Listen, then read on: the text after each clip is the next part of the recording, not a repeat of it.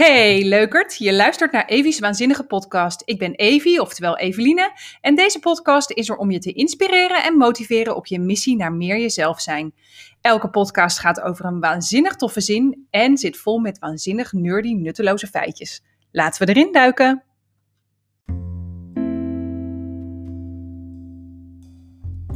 Hey, tof dat je luistert naar de vierde aflevering van Evie's Waanzinnige Podcast. Deze week heb ik ook weer een superleuke zin voor je. Hij komt uit de Disney-film Peter Pan en het is Faith, Trust en Pixie Dust. En het is wat uh, Tinkerbell zegt over wat je nodig hebt om te kunnen vliegen.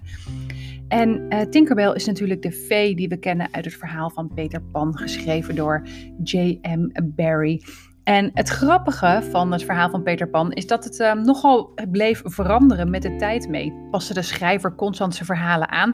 En pixie dust, of het, um, het uh, glitterstof, um, is pas toegevoegd aan het verhaal nadat er meerdere berichten waren van kinderen die probeerden te vliegen. En dat vonden ze toch een beetje gevaarlijk.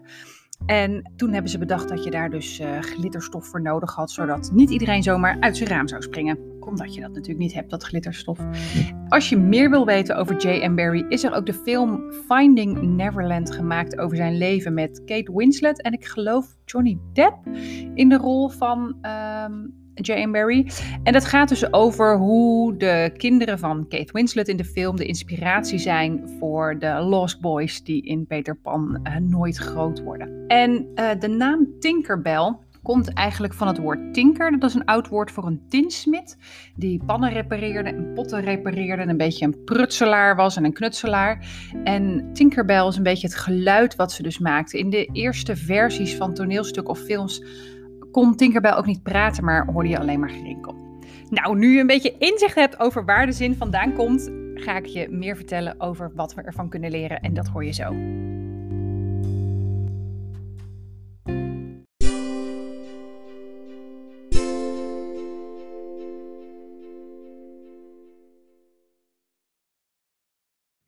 Yes, faith, trust en pixie dust. Laten we die eens uit elkaar trekken. En laten we dan maar bij het begin beginnen, namelijk faith of geloof. Um, er zijn veel manieren van uh, geloof of wat je onder geloof kan zien. Zo kennen we natuurlijk het geloof of wat we eigenlijk religie noemen. Uh, maar we hebben het ook over wat jij gelooft over de wereld.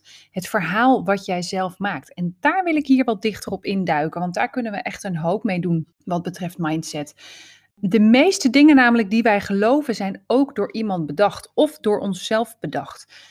Het zijn overtuigingen die vaak lang bij ons blijven en die bepalen hoe wij de dingen doen. Je kunt er ook een beetje in zien dat er vaak tradities uit voortkomen, of uh, familietradities, maar ook natuurlijk culturele tradities, die overigens vaak ook weer gestoeld zijn op uh, het oorspronkelijke geloof van een uh, cultuur of een land.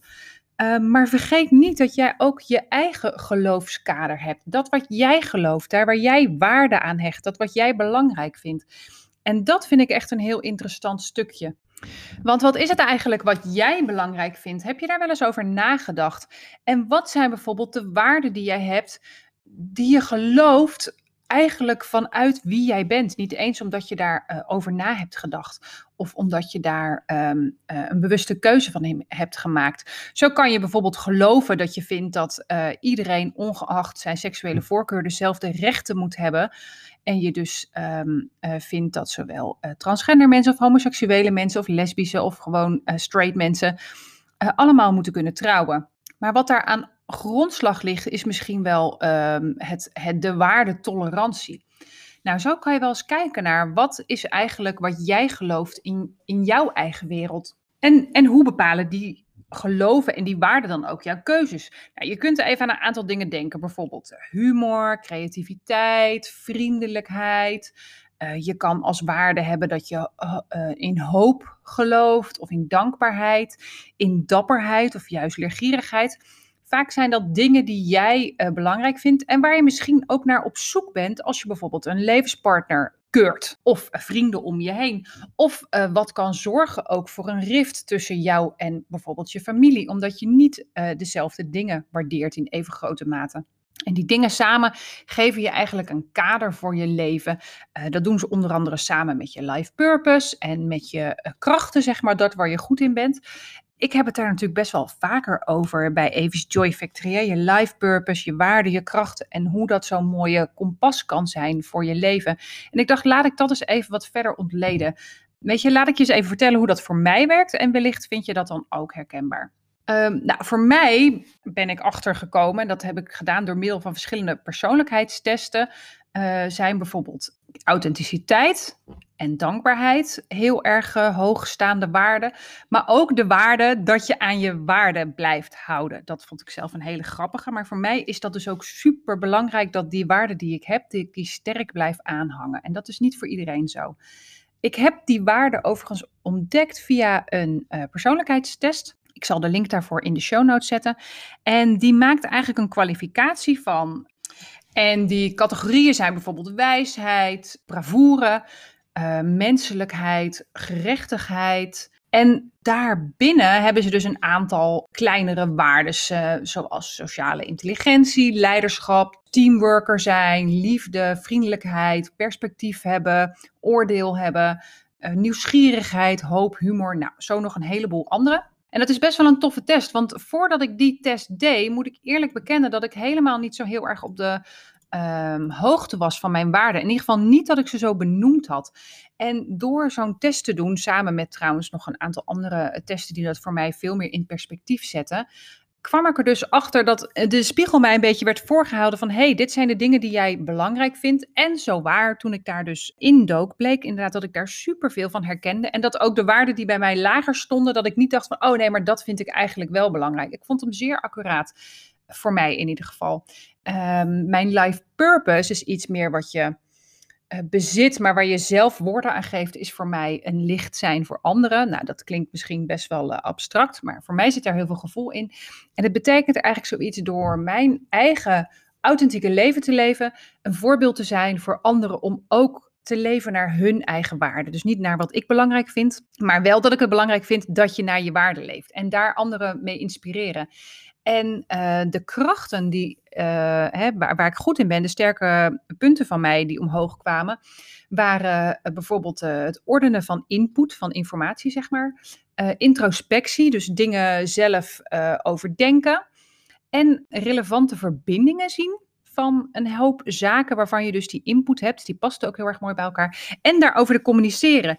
En als je daar dan die dingen naast elkaar legt, en geloof me, dit gebeurt natuurlijk niet in één week tijd. Alhoewel een hoop heel snel herkenbaar kan zijn, gaat hier wel een tijdje overheen. Um, dit geeft mij dus inzicht van waar ik het lekkerste in mijn vel zit. En zeker wanneer je iets nieuws gaat doen, zoals bijvoorbeeld ondernemen, is het heel erg fijn om een soort kompas te hebben om ook bepaalde dingen uh, te kunnen afstoten. Omdat je gewoon ziet, oh ja, maar dat, dat klinkt misschien wel leuk, maar als ik er daar beter over nadenk, zie ik dat dat misschien niet helemaal past bij wie ik ben. Zo kwam bij mij dus naar voren dat ik het heel erg tof vind om te communiceren. Nou, dat blijkt ook, want ik ben graag zichtbaar op, uh, op social media. En zoiets als een podcast is natuurlijk heel erg communicatief Um, nou, niet afwerken van mijn eigen, niet afwijken van mijn eigen waarde heeft vooral heel erg veel gehad op hoe ik succes zie. En het is zo makkelijk om je bij zoiets als succes mee te laten slepen door hè, wat anderen zien en grote villa's en vrijstaande huizen en dikke salarissen. Um, maar voor mij is het dus super belangrijk om te kunnen doen wat ik graag doe. En dat is een waarde die hoger scoort bij mij dan bijvoorbeeld uh, geldelijke waarde daarachter. Daar gaan we een andere keer op in, niet nu, maar daar is ook super veel over te zeggen. Je eigen uh, beeld van succes nou, wat ik heel erg tof vind is om samen met iemand te duiken in hoe zijn patronen en verbindingen samenkomen. Hè? Hoe bij jou je purpose vasthangt aan je waarden en je krachten. En hoe je dat ook zelf dus weer kunt laten terugzien. Bijvoorbeeld in je werk of in je branding zelfs. Um, en ik doe dat dus ook liever één op één met maatwerk, want zo is het beter en makkelijker, of niet zozeer beter, maar makkelijker om authentiek te blijven. En ik doe dat dus liever niet um, met hele grote groepen tegelijk, omdat ik dan het gevoel heb dat ik niet die mate van authenticiteit en, en, en persoonlijke aandacht kan geven die ik uh, wilde. En ik heb dat wel geprobeerd. Um, maar het is heel praktisch als je iets nieuws probeert en het werkt niet, om dan misschien ook in de evaluatie te kunnen kijken van, oh ja, ik zie wel aanknopingspunten waarom dit niet helemaal werkte voor mij. En uh, zo grappig is dat ik juist met organizing weer heel erg veel mijn voorliefde voor verbindingen leggen en logische verbindingen kwijt kan, omdat ik daar heel erg bezig ben met hoe leef jij en, en uh, wat heb je aan opbergruimte in huis en hoe kunnen we dat zo optimaal mogelijk samenbrengen, zodat je een goede flow krijgt. Nou, zo ziet dat er voor mij uit. Ehm, ik zal een paar van die tests in de show notes zetten. Het is heel erg tof om daar zelf ook eens in te duiken en te kijken van, nou ja, hoe ziet dat voor mij eruit? En hoe komen die krachten en die waarden en misschien als je ook een gevoel hebt bij je life purpose, hoe komen die samen? Dan het volgende deel van de zin, trust. Daar ga ik zo met je induiken.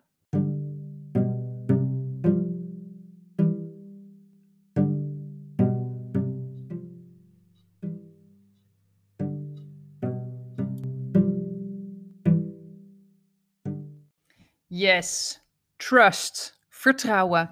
Ja, ook dat heb je weer op verschillende levels. Je kan uh, vertrouwen hebben in jezelf of vertrouwen hebben in je wereld. Uh, maar ook bijvoorbeeld vertrouwen hebben dat dingen goed komen. Of dat iets kan goed komen. Dat is eigenlijk meer hoop. En het vertrouwen waar ik wat dieper met je op wil induiken, is je vertrouwen in je eigen intuïtie. Uh, zeg maar kunt zien wat voor type jij bent. En dus hoe andere mensen jou uh, zien. En dus ook misschien waarom ze op een bepaalde manier op jou reageren. Maar naast dat wat anderen van jou vinden, is het natuurlijk eigenlijk veel belangrijker wat jij van jezelf vindt. Intuïtie is soms een beetje iets zweverigs, weet je wel? Een soort trust your gut. Uh, ja, hoe bepaal je nou? Laat je onderbuikgevoel maar eens spreken. Uh, maar er zijn heus wel wat dingen te zeggen over intuïtie en waar dat vandaan komt. Zo kan je bijvoorbeeld kunnen zeggen dat intuïtie heel erg leunt op die waarden waar we net over hebben gehad, over wat je gelooft. En een deel van je intuïtie is misschien ook niet helemaal verklaarbaar. Het is een soort innerlijke uh, zonnewijzer die soms zegt dat dingen bij jou passen zonder dat je dat helemaal kunt verklaren en waarvan je misschien ook denkt, uh, wat? Uh, maar die dan achteraf toch vaak blijkt wel uh, het, goede, het goede antwoord blijken te zijn. Of de goede um, straatje zijn geweest om in te stappen. En wat jij van jezelf vindt, wordt misschien ook wel heel erg bepaald door waar je in gelooft in het leven. En dat kan ook wel eens heel erg naar in de weg zitten van je intuïtie. Want dat, uh, hoe je opgevoed wordt en welke overtuigingen je hebt opgedaan in je jeugd over jezelf, die kunnen wel eens heel erg niet in uh, samenspraak zijn met wat jij intuïtief over jezelf gelooft en welke keuzes jij dus met je intuïtie zou willen maken. Zo kan het zijn dat bijvoorbeeld uh, creativiteit bij jou thuis misschien heel erg werd gezien als iets voor kinderen en dat daar geen brood mee te verdienen was, maar blijk je als volwassene juist heel erg graag met je creatieve kanten je geld te willen verdienen. Nou, dan kan het wel eens heel erg lastig zijn om op die intuïtie te vertrouwen. Nou, heel erg uh, uh, interessant is dat intuïtie natuurlijk gaat over wat je zelf vindt en zelf bepaalt, maar dat wij eigenlijk heel veel van ons leven weer laten bepalen door wat anderen van ons vinden. En het is soms best interessant om te denken wat anderen van jou vinden of hoe ze jou zien. Een hele grappige manier om daar meer in te duiken is uh, de Meyer-Briggs uh, test, die jou indeelt in één van 16 persoonlijkheden, waarmee je het is zo dat als je gewend bent om uh, zelf je keuzes te maken, als je dat van jongs af aan al hebt mogen doen, dat het denk ik makkelijker is om op je intuïtie te vertrouwen, omdat je daar een soort uh, gewoonte van hebt gemaakt. Je bent er gewend aan geraakt. Je bent misschien ook niet zo bezig met wat anderen vinden of zeggen of zouden vinden wat je moet doen, want je hebt eigenlijk heel erg je eigen pad gevolgd. Um, dat werkt overigens ook zo als je een duidelijk beeld hebt van jezelf. Dus hoe meer je zeg maar jouw eigen kompas hebt uitgediept en hoe meer je doet wat je verlangt, dat is ook een mooie die erbij hoort, hoe meer je op je eigen intuïtie kunt vertrouwen en hoe minder het er dus toe doet dat je die goedkeuring van anderen moet hebben. Want dat is dus een beetje de tegenhanger hè, van intuïtie. Intuïtie is op jezelf vertrouwen en in jouw eigen uh, richtingaanwijzer. En de tegenovergehanger daarvan is dat je juist heel erg um, goedkeuring zoekt bij anderen om te zeggen van ja, moet ik dit wel doen? Wat denk jij? Is het wel verstandig? En het nadeel daarvan is dat anderen vaak heel erg vanuit hun eigen geloof en intuïtie reageren en van hun eigen belemmerende of uh, veiligheidsovertuigingen. En het dus kan zijn dat iemand jouw dingen gaat afraden omdat hij dat zelf super eng vindt en dat eigenlijk niks te maken heeft met of het het beste is voor jou. Nou, intuïtie is iets wat wel makkelijker wordt naarmate je het meer doet. Je krijgt er namelijk meer feeling voor. Je krijgt steeds meer inzicht in wat goed voor je is, maar ook bijvoorbeeld of iets uh, intuïtief voelt als iets spannends, maar wat je wel echt moet doen. Hè? Dat je echt soort van even dieper weer induikt, maar dat het een diep verlangen is. Of dat het iets is waarvan je denkt dat je het zou moeten doen, maar wat je het forceert. Um, of wat je voelt angst is, omdat je wel het gevoel hebt dat het uh, goed is, maar je nog even laat tegenhouden door je eigen belemmeringen. Het is een beetje een, ja, iets wat je kunt fine-tunen. Ik wou even een, een vergelijking zoeken, maar ik kan het even niet verzinnen. Maar het is iets wat je steeds meer kan verscherpen. En wat je soms ook een beetje kwijt kan raken naar een, naar, zelfs als je je intuïtie volgt en het werkt niet helemaal, of het mislukt gewoon compleet, laten we het zo maar even noemen, uh, dan is het vaak nog steeds meer voldoeninggevend dan doen wat er van je verwacht wordt. Het is namelijk zo dat als je je intuïtie volgt en je struikelt, dat het vaak um, vanuit een hele andere basis is genomen, die beslissingen. En je dus veel meer open staat voor groeipunten daarin, voor hoe kan ik dit aanscherpen, hoe kan ik dit nog een keer proberen, wat kan ik beter of anders doen. En dat is heel anders dan struikelen in iets wat voelt als wat het opgelegd is. Vaak voelt dat veel zuurder en veel niet passender. En, en ben je ook dan niet meer gefocust op wat je ervan kan leren, maar alleen maar op het pushen van ik moet presteren en dat bereiken. Nou, we kennen allemaal ook wel het gevoel van, oh, ik wist het wel. En dat is dus echt heel vaak je intuïtie die aan het einde van een geforceerde beslissing zegt, yo, hallo, hadden we het hier niet eerder over gehad? Inderdaad, dit was dus niet zo verstandig. En het is wel interessant om daar dan naar te luisteren en eens te kijken naar wat het dan is wat je eigenlijk wel wist. En of je dan ook de durf en de kracht hebt om te doen wat je dus eigenlijk had moeten doen en wat door je intuïtie zo ingegeven was. Nou, ik vind het wel zelf super tof als ik uh, met klanten werk om dat te doen vanuit mijn intuïtie. Ik onderneem ook vanuit mijn intuïtie. Ik doe heel erg gewoon uh, wat goed voelt. Ik doe dat overigens niet alleen in mijn onderneming, maar ook um, thuis, in mijn privé of met mijn gezin. En um, kan vaak makkelijk direct voelen van, oh ja, dit is het, of oh, dat ga ik doen, of dat voelt goed. En ik vind het ook heel erg tof om te zien hoe dat bij mijn klanten werkt. Dus bijvoorbeeld zoiets werk als um, in organizing, maar trouwens ook bij het maken van een huisstijl. Dan vind ik het echt heel gaaf om te zien dat er mensen zijn die um, heel erg uh, uh, veel nuances zien bijvoorbeeld. En bij wie het heel erg lastig is om de juiste te vinden. Dus die zien heel veel mogelijkheden en denken ook heel vaak van, oh, maar als ik dit niet kies, wat als het niet goed is en dan dan. is nog een beetje onzekerheid in je intuïtie. Ik zie ook mensen die uh, gewoon heel snel voor iets kiezen, gewoon de knoop doorhakken en helemaal niet bezig zijn met uh, welke opties waren er eigenlijk nog meer. Um, ik weet niet of dat per se hele sterke intuïtie is. Of mensen die gewoon snel kiezen. Of dat het heel erg onderbewust zit. Zou best wel gaaf zijn om daar eens een keer in te duiken. Maar het is wel heel erg tof om te zien hoe mensen dus op verschillende manieren keuzes maken en wel of niet hun intuïtie volgen. En uh, hoeveel mensen zich ook laten afleiden door uh, wat anderen vinden. Hè. Zo wordt mij vaak ook om toestemming gevraagd. Van ja, denk je dat dat handig is? Of zo, hoort het zo wel? Hoor ik ook wel erg vaak in het organizen. En ik vind het dan altijd heel erg tof om um, de vrouwen waar ik mee werk, om die uh, hun eigen intuïtie dan even te laten voelen. Want het is feitelijk totaal niet interessant of ik vind dat het hoort als het voor jou werkt, gaat het zoveel meer voldoening geven dan hoe het hoort. En natuurlijk, ik ben ook wel eens onzeker. Ik vind het ook wel eens lekker om uh, te horen van een ander van ja, dit is wat je moet doen. Het komt ook vaak een beetje omdat je intuïtie volgen ook gaat over de dingen die je het meest verlangt. En dan best nog wel spannend kan zijn. Dus zelfs als je weet dat het bij je intuïtie past, dan nog kan het wel zijn um, dat je het niet zo heel makkelijk vindt om daarin te springen. Daar hadden we het vorige week ook een beetje over, vorige keer bij de aflevering van um, Start Before You're Ready. Dus ja, het is, uh, het is iets wat je kan aanscherpen, je intuïtie. Ja, hoe vaker je doet, hoe beter dat wordt. Uh, door, door, want ik kan hier natuurlijk uren over praten, maar dan uh, gaat de uitzending zo af, uitlopen. door naar de volgende Pixie Dust.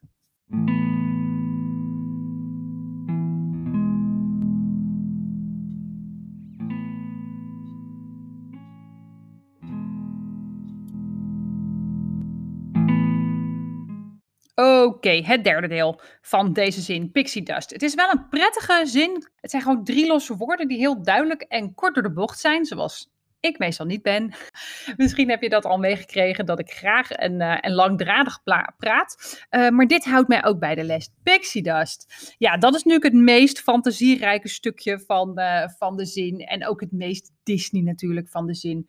Um, het grappige, ik dacht, nou, waar ga ik het over hebben? Want pixie dust is natuurlijk niet echt iets. En uh, ik voelde gelijk, denk, oh ja, ik ga in magie duiken en het onvoorspelbare en het toeval. Want um, iedereen kan wel wat meer magie in zijn leven gebruiken. En ik denk ook dat bijna iedereen is opgegroeid met Disney. En, en uh, ik zag gelijk voor me dat het wel leuk was om daar eens even in te duiken. Zo kan je uh, magie in het leven terugvinden op zowel hele diepe als heel oppervlakkige manieren. En dat is een favoriet onderwerp van me geworden naar aanleiding van een boek wat ik een aantal jaar terug las. Het boek heet Joyful of uh, Vrolijkheid in het Nederlands van de schrijfster Ingrid Vertel Lee. En zij um, uh, schreef dat boek over uh, wat is nou eigenlijk joy en hoe kun je dat uit elkaar trekken? Hè? Waar bestaat dat uit? Ik heb de link naar het boek trouwens even in de show notes gezegd. Wil je dat, uh, zou je dat willen lezen? Ik vond het heel erg gaaf. Ik ben ook speciaal voor haar naar het Happiness Festival geweest om, om haar live te zien spreken over haar boek. En ik vond het vooral zo ontzettend gaaf dat zij met haar boek laat zien dat uh, joy en gelukkig zijn twee verschillende dingen zijn. Want vrolijkheid of joy is ook iets wat je kan zien in de minder fijne tijden van je leven. En wat juist uh, je heel erg kan helpen om te zorgen dat je daar doorheen komt. Hè? Het is dan de dingen kunnen zien waar je dankbaar voor bent. En dat kan genieten zijn van, van je kind wat zit te spelen of van een fijne wandeling. En dat het ook iets is wat maakbaar is. Dat joy in je leven dus niet is waar je op hoeft te gaan zitten wachten. En waar bijvoorbeeld gelukkig zijn soms wat onvatbaarder is, is meer joy in je leven toevoegen. Heel erg goed te doen door uh, kleur toe te voegen en patronen en spullen om je heen waar je blij van wordt. En bijvoorbeeld ook dus magie. Want magie is namelijk naast energie en overvloed en vrijheid een van de tien vormen van joy, volgens uh, Lee. Uh, magie uh, en vooral de toestemming om in magie te geloven zijn vaak heel erg een voorrecht van jong zijn. Er is niet een hele goede uh, volwassen variant van die magische kinderbeleving. En wij zien het ook vaak als, uh, of wij, wij als een maatschappij of de maatschappij, voelt een beetje kinderachtig als volwassen mensen nog in Disney geloven of um, zich daar helemaal door laten meeslepen. Maar toen je dus nog jong was en nog helemaal geloofde in, in wat je op tekenfilms en vooral dus in al die Disney-films zag, ja, toen geloofde je nog helemaal dat dat kon en kon je daar onbezorgd in wegdromen. En nog steeds kun je magie natuurlijk uh, heel erg zien in het dagelijks leven. Uh, denk bijvoorbeeld maar eens aan een horoscoop in, in hoe die in meerdere of mindere mate astrologisch onderlegd is. Maar het is vaak een soort uh, uh, iets van herkenning wat we zoeken. Het toeval wordt ook een beetje gezien als uh, magie. Hè? Dat je ineens iemand ergens tegenkomt als je aan hen denkt bijvoorbeeld. Dat is natuurlijk heel erg magisch. Um, of een bezoek aan een pretpark. Dompel jezelf bijvoorbeeld in de Efteling maar eens onder in de magische wereld van Pardoes. Of in een spookhuis of een andere attractie die helemaal op thema is. En natuurlijk ook in zoiets als Disneyland. En magie is iets wat ons heel erg kan helpen om de, ja, de koude realiteit van ons leven wat zachter te maken. Want we drijven hier maar rond op dat wereldbolletje de aarde in dat ene hele grote universum waar zoveel dingen nog onverklaarbaar zijn. En magie kan ons helpen om uh, daar ook wat optimistischer in te staan. Het is namelijk zo dat als jij gelooft dat na regen zonneschijn komt, hè, dat die magie kan bestaan, dat dingen goed komen, dat je daar ook weer naar gaat zoeken. Dat heeft te maken met een hersenfunctie waarvan ik nu de naam even ben vergeten, maar die er bijvoorbeeld voor zorgt als jij een nieuwe witte auto zoekt, dat je overal witte auto's ziet. Um, en daar duiken we een andere keer in. Maar het is dus zo dat als je een bepaalde instelling hebt voor um, magische dingen zien, maar ook bijvoorbeeld voor dankbaarheid, dat hoe meer je het uh, gelooft, hoe meer je het ziet, hoe meer het dan weer naar voren komt en hoe meer je weer in gaat geloven. Werkt natuurlijk ook negatief, maar in dit geval kun je het dus heel erg inzetten om hoopvol te zijn. En zo grappig vond ik dat ze in haar boek ook schrijft dat uh, bijvoorbeeld in IJsland een groot deel van de bevolking nog gelooft in elfen. En dat daardoor zelfs hele bouwprojecten van locatie uh, worden veranderd. En het is iets wat daar gegroeid is uit het barre landschap, maar ook natuurlijk het magische landschap met zijn enorme watervallen en groene uh, uitgestrekte vlaktes. En um, ja, ze helpen eigenlijk een soort kinderlijke schoonheid toe te voegen in wat ook best wel een bar klimaat is natuurlijk daar in IJsland. En aan de mensen hun dagelijks leven. Nou, ik dacht, wat kan ik jou hier nou verder nog meer over leren? En ik dacht, aha, ik ga eens even zoeken uit al die bronnen die ik alles over dit soort onderwerpen heb gelezen. Hoe je nou heel makkelijk magie kunt toevoegen aan je dagelijks leven. Want we weten nu dat het super fijn is om dat uit te nodigen. En dat het helemaal niet per se zweverig hoeft te zijn. Maar hoe doe je dat dan? Nou, een van de dingen die ik zelf heb en echt mega tof vind, is dat ik zo'n soort prisma-kristal heb hangen achter in mijn keukenraam. En um, die zorgt ervoor dat het licht daarop schijnt, als de zon daar dus uh, op schijnt. En die breekt dat. En zo krijg ik eigenlijk tientallen kleine uh, regenboogprismaatjes zo door mijn keuken heen op een uh, mooie dag. En dat is altijd maar een bepaald tijdstip dat dat gebeurt. En het is dus altijd een beetje een soort van, als ik ineens de keuken in loop en, en het moment is daar dat ik denk, oh ja, dat is ook zo. En dan blijven die een uurtje hangen en dan zijn ze weer weg. Ehm, je kunt zo'n ding gewoon kopen voor uh, een paar euro. Ik zal even een linkje plaatsen. Ehm, nou, wat bijvoorbeeld ook een hele leuke magie is, is natuurlijk uh, paardenbloemen uitblazen. We weten allemaal dat het gewoon zaadjes zijn die je in de ronde blaast. Maar het kan super fijn zijn om jezelf gewoon weer eens even te laten meeslepen daardoor. Je kunt bijvoorbeeld er ook voor kiezen om uh, uh, op een avond eens even lekker alleen maar kaarsjes aan te doen. Is ook een vorm. Of kleine kerstverlichtingjes ergens ophangen van magie uitnodigen. Um, ook je hebt super gave soort van sterrenhemellampen. Nou, daar droom ik ook altijd van. Dat ik denk, hoe gaaf is het als je die op je plafond hebt terwijl je zit te lezen. En uh, wat ook een vorm van magie is, zijn bijvoorbeeld glinsterende of iriserende uh, voorwerpen. Denk maar eens bijvoorbeeld nu aan die, heette dat zo'n zeemerminkussens, waarbij je die lovertjes zo van links naar rechts kan schuiven, dat ze van kleur veranderen. Of dingen met een parelmoeren kleur kunnen heel erg uh, intrigeren. Nou, wat bijvoorbeeld ook heel magisch kan zijn, kan uh, naar een uh, heel mooi aquarium kijken zijn en te zien wat daar gebeurt. Het is ook een beetje duiken in het kleine magie van ons leven, hè, op kleine schaal. Kijken hoe de uh, insecten bezig zijn in een partij bloemen in je tuin, hoe de zon achter de wolken, hoe de wolken bewegen. Er is zoveel manieren om hè, magie te zien en je laten te verrassen in ons dagelijks leven. Um, en een hele makkelijke is gewoon een leuk film kijken. Nou, zo'n beetje alles van Disney. Eh, is vaak wel magisch of heeft een magisch element. Maar ook films als Practical Magic, die weer heel erg gaan over uh, um, meer uh, de spirituele vorm van magie. Age of Adeline vond ik bijvoorbeeld ook een hele mooie, waarin je hè, kunt geloven in het feit dat iemand. Oh, trouwens, dat ga ik niet verklappen, maar geloof me, die is ook heel erg mooi. Hè? Iets wat eigenlijk niet kan. Zo ook Outlander. Ik ben echt diep, diep fan van de serie Outlander, waarin iemand 200 jaar teruggaat in de tijd dat kan natuurlijk niet, maar het is zo fijn om daar even in mee te gaan. Hey, zo ben ik bij je terug met uh, waanzinnige, nerdy, nutteloze weetjes. En dan uh, duiken we ook in een film van Disney, namelijk in Brave.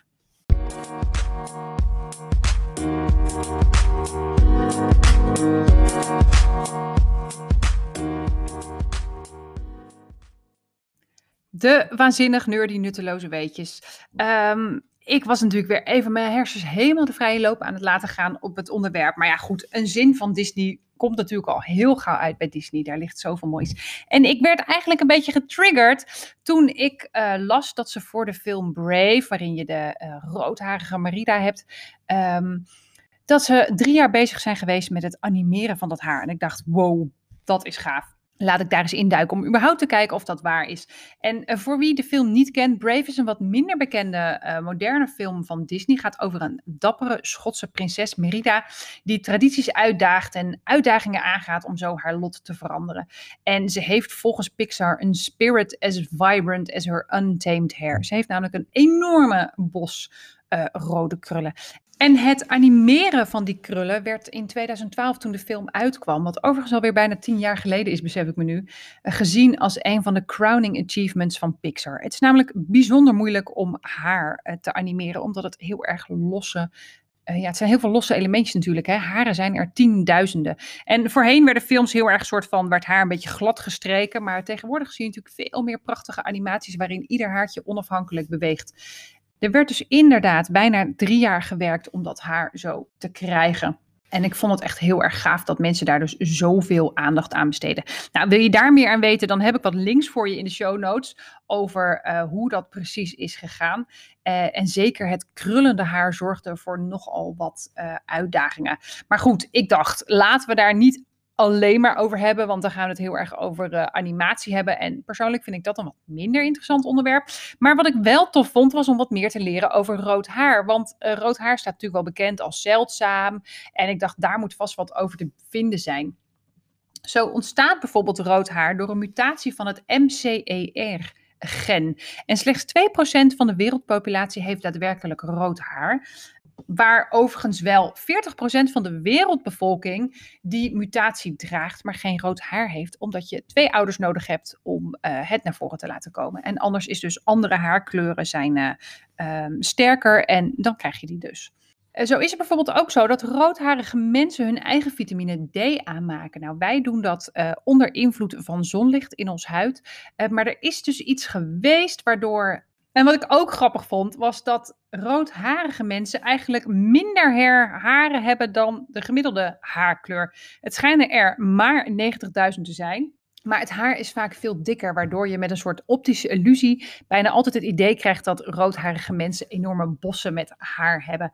En uh, nog een tof feitje is dat roodharige mensen, dus met die mutatie van het MCE1R-gen, minder gevoelig zijn voor stekende pijn, maar dan wel weer tot 20% meer verdoving nodig hebben om bijvoorbeeld onder narcose te blijven. Nou, het is natuurlijk best wel handig als je uh, jouw chirurg dat weet of je anesthesioloog. Er zijn ook veel geruchten dat roodharigheid uitsterft. Nou, volgens vele bronnen is dat niet waar, omdat 40% van de bevolking het gen draagt. En omdat het dus al eeuwen bestaat. En je zou zeggen, als het aan het uitsterven was, had dat wel echt al lang kunnen gebeuren. Er is overigens veel bijgeloof over uh, rood haar. Zo uh, verbood Hitler huwelijken tussen twee roodharige mensen. Worden ze vaak gezien als heksen. Zijn sproeten die ze natuurlijk vaak hebben een connectie met de duivel. Nou, je kunt er echt van alles over vinden.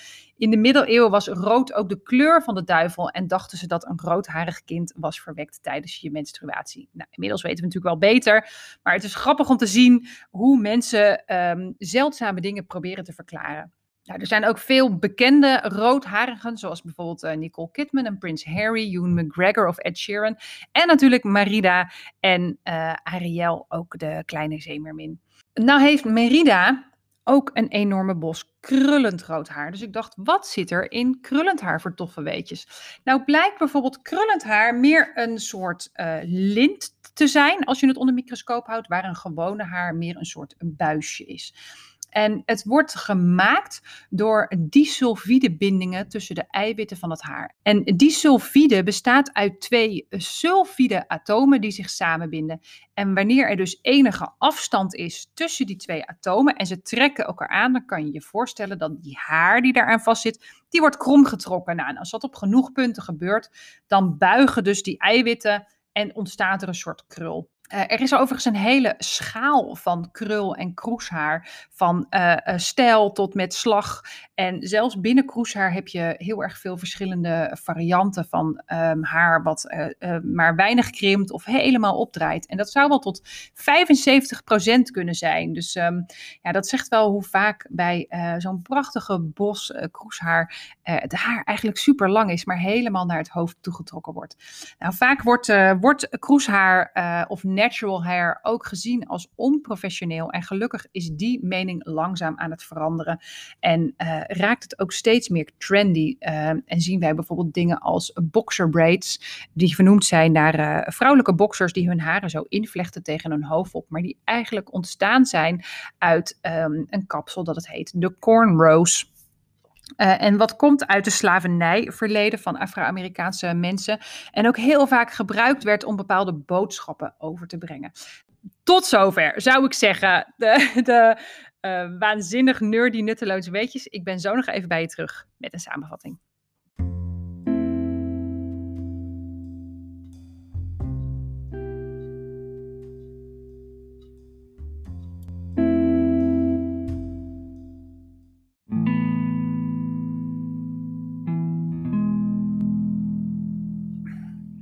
We zijn hiermee alweer aan het einde gekomen van de vierde aflevering van Evi's Waanzinnige Podcast. En ik denk dat je wel uh, kan zeggen dat uh, wat je vertrouwt, waar je in gelooft, in hoeverre je magie toelaat in je leven, dat allemaal dingen zijn die bepalen hoe je in het leven staat en ook waarvan je, waar je van jezelf over mag dromen en in hoeverre je je dromen mag najagen.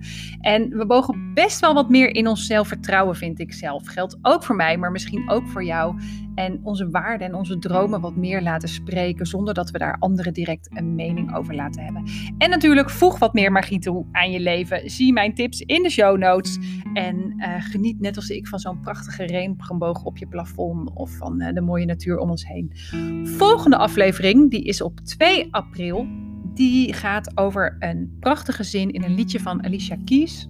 En uh, een liedje wat zij samen deed met, met uh, John Mayer. Uh, het liedje heet Lesson Learned en de zin is Falling down ain't falling down if you don't cry when you hit the floor. Ik ga niet proberen om te zingen, uh, maar ik ga er wel met je induiken. En ik vertel je in deze aflevering ook wat meer over hoe ik mijn dieptepunt raakte. En um, wat het voor je kan betekenen en ook hoe je daar de lessen uit kan leren. Die hoor je volgende keer. Voor nu zou ik zeggen nog een hele mooie dag en tot ziens. Doei!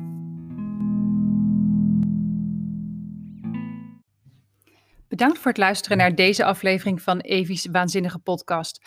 Als je hebt genoten van deze aflevering, raad ik je aan om je te abonneren, zodat je geen enkele aflevering mist. En wil je reageren op deze aflevering, dan kan je dat het beste doen op Instagram, waar altijd een bijpassende post is voor iedere aflevering.